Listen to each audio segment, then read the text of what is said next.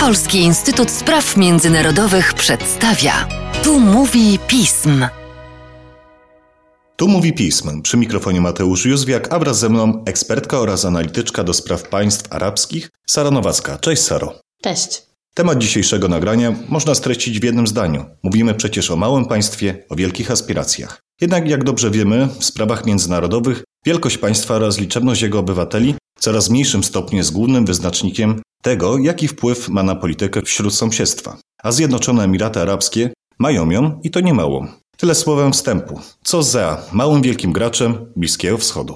E, tak, dobrze to ująłeś. To jest małe państwo, które całkiem skutecznie realizuje swoje e, cele polityki zagranicznej, zwłaszcza e, w regionie, czyli na Bliskim Wschodzie. I ostatnio mieliśmy do czynienia z taką wzmożoną aktywnością dyplomatyczną Zjednoczonych Emiratów Arabskich, właśnie w, w ich bezpośrednim czy pośrednim otoczeniu.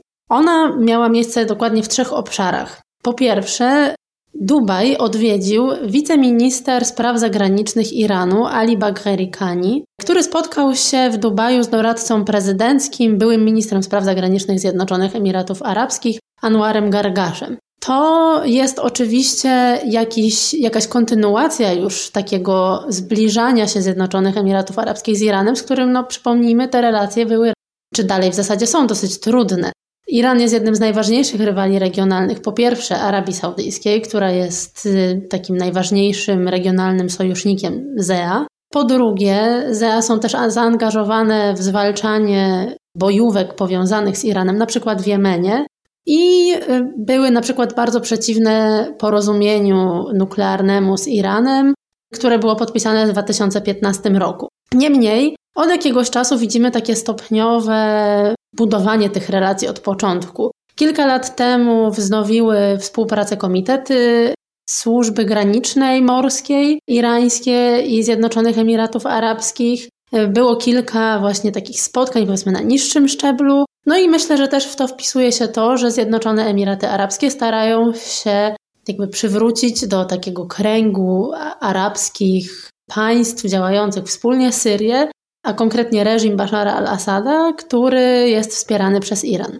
Drugim ważnym wydarzeniem, które miało miejsce w tym miesiącu, było porozumienie, które podpisała Jordania z Izraelem przy z bezpośrednim udziałem w negocjacjach właśnie Zjednoczonych Emiratów Arabskich. To porozumienie sprowadza się do tego, że w Jordanii powstanie, powstanie farma energetyczna solarna, którą wybuduje firma ze Zjednoczonych Emiratów Arabskich i energię, którą ona wyprodukuje, Jordania będzie sprzedawać do Izraela, jako że Jordania ma lepsze warunki produkowania energii słonecznej. W zamian za to Izrael będzie tej energii używał w nowym miejscu do odsalania wody i tę wodę będzie przekazywał Jordanii. Jordania jest jednym z państw na świecie najbardziej pozbawionym e, zasobów wodnych, wystarczających dla wszystkich obywateli. To porozumienie jest powiedzmy takim działaniem w ramach budowania na tych porozumieniach abrahamowych, które wynegocjowały Stany Zjednoczone właśnie między Izraelem a między innymi Zjednoczonymi Emiratami Arabskimi,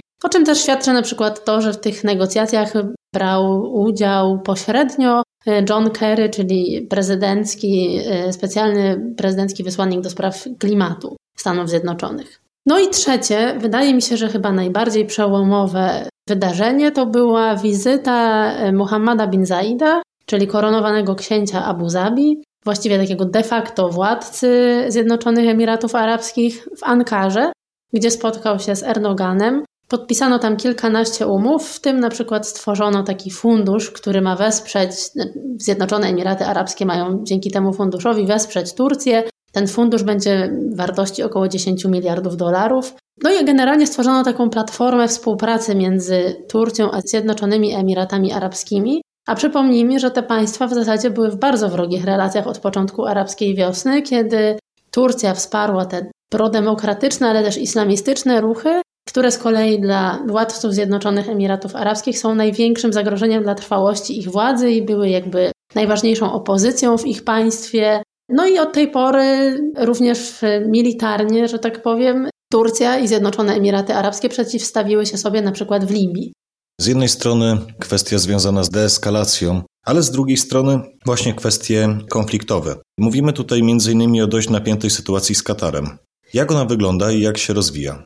W 2017 roku państwa Zatoki, czyli właśnie Arabia Saudyjska, Zjednoczone Emiraty Arabskie oraz Bahrain razem z Egiptem w ramach tak zwanego kwartetu zawiesiły relacje z Katarem. Ale na początku 2021 roku e, właśnie te państwa podpisały w Al-Ula porozumienie, które zakończyły tą blokadę Kataru. I to można by powiedzieć jest jedno z działań, które były odpowiedzią na spodziewaną zmianę w administracji Stanów Zjednoczonych i na to, że korzystne będzie dla tych państw Zatoki też wizerunkowo, ale przede wszystkim gospodarczo, jakby szukanie raczej porozumienia i takie koncyliacyjne podejście, niż y, dalsza próba pogłębiania jakiejś rywalizacji czy destabilizacji regionalnej. I generalnie właśnie to bardziej koncyliacyjne podejście odzwierciedla kilka ważnych zjawisk czy, czy ważnych zmian w podejściu Zjednoczonych Emiratów Arabskich do tego, jak tworzy swoją politykę zagraniczną w regionie. Po pierwsze, Zjednoczone Emiraty Arabskie rozumieją, że muszą dostosować się do zmieniających się warunków. I tutaj wielu analityków wskazuje na to, że przede wszystkim tym czynnikiem jest zmiana w administracji Stanów Zjednoczonych, no bo Trump miał takie podejście, powiedzmy, bardzo bezwarunkowe co do sojuszu z państwami właśnie Zatoki Perskiej.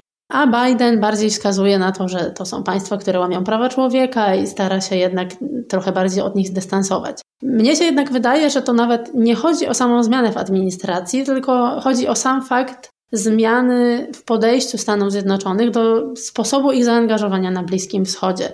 Ono ma się stać w założeniu coraz mniej wojskowe, powiedzmy, i po tym, jak w 2019 roku po atakach na saudyjską rafinerię Stany Zjednoczone w zasadzie nie zareagowały w żaden taki bezpośredni sposób, państwa Zatoki zrozumiały, że muszą trochę bardziej jakby samodzielnie zacząć tworzyć swoje relacje w regionie i samodzielnie zadbać o to, żeby utrzymać się przy władzy, utrzymać jakby mm, wagę swojej pozycji w regionie. No i stąd właśnie takie działanie bardziej polegające na budowaniu sojuszy, które pozwolą też na większą czy może sojuszy to duże słowo, ale poprawa relacji, która ma docelowo pozwolić na większą kontrolę nad tym, co się w regionie dzieje i większą niezależność od partnerów zachodnich, czy takich bardziej zewnętrznych, tak, spoza regionu. I tutaj myślę, że też ważnym elementem jest to, że Kani jest nie tylko wiceministrem spraw zagranicznych Iranu, tylko też najważniejszym negocjatorem w sprawie wznowienia porozumienia nuklearnego. Zatem ta jego wizyta w Dubaju też wskazuje na to, że ten temat też prawdopodobnie został poruszony, a ten temat jest niezwykle istotny dla Zjednoczonych Emiratów Arabskich i państw arabskich Zatoki Perskiej w ogóle, ponieważ chciały one być włączone w ten proces negocjacji z Iranem, no ale oczywiście od tej strony zachodniej nie do końca są, więc próbują to rozgrywać samodzielnie. Drugim, myślę, takim ważnym i ciekawym aspektem jest to, że działania Zjednoczonych Emiratów Arabskich wskazują na to, że ich zdaniem ten proces arabskiej wiosny i zmiany, które miały się z nim wydarzyć, się zakończył. One przez te 10 lat zdążyły skonsolidować swoją pozycję w regionie, zwalczyć i osłabić ruchy e, islamistyczne, a przede wszystkim Bractwo Muzułmańskie, które było dla nich największym zagrożeniem. Myślę, że najbardziej wskazuje na to to, co widzieliśmy niedawno w Tunezji, gdzie prezydent właściwie rozwiązał parlament, czy zabrał mu władzę, skonsolidował swoją pozycję i jakby sprowadził Tunezję z powrotem na taką drogę raczej autorytarnego państwa. I to także wskazuje właśnie na to, że Emiraty Arabskie mogą się poczuć coraz bardziej pewne, bo przypomnijmy, że w Tunezji dominującą grupą w parlamencie była partia An-Nahda, która jest powiązana z Bractwem Muzułmańskim. No i trzeci taki ważny aspekt to są y, przemiany gospodarcze, które Zjednoczone Emiraty Arabskie są świadome jako państwo głównie utrzymujące się z zysków z handlu y, ropą naftową i będące świadome tego, że zmiany klimatyczne i to, jak Zachód i generalnie globalnie państwa próbują sobie z nimi poradzić, sprowadza się do tego, że ta ropa nie będzie już w stanie w perspektywie dekady, czy dwóch, czy trzech finansować takiego poziomu życia, jaki Emiratczycy mają i generalnie działań państwa. Dlatego e, zdaję sobie sprawę z tego, że jakby nie jest już tak, nie może już być tak niezależne i prowadzić tak niezależnej e, polityki bez właśnie pozytywnych relacji z innymi ważnymi graczami w regionie. Szanowni Państwo, Bliski Wschód się zmienia. Gracze jak Zjednoczone Emiraty Arabskie będą z pewnością jeszcze o sobie dawać znać. Tymczasem dziękuję Ci za dzisiejszy podcast, Saro. Dzięki bardzo. A Państwa zaś zachęcam do śledzenia naszej strony internetowej, czytania najnowszych biuletynów i komentarzy, śledzenia mediów społecznościowych i cóż, do usłyszenia.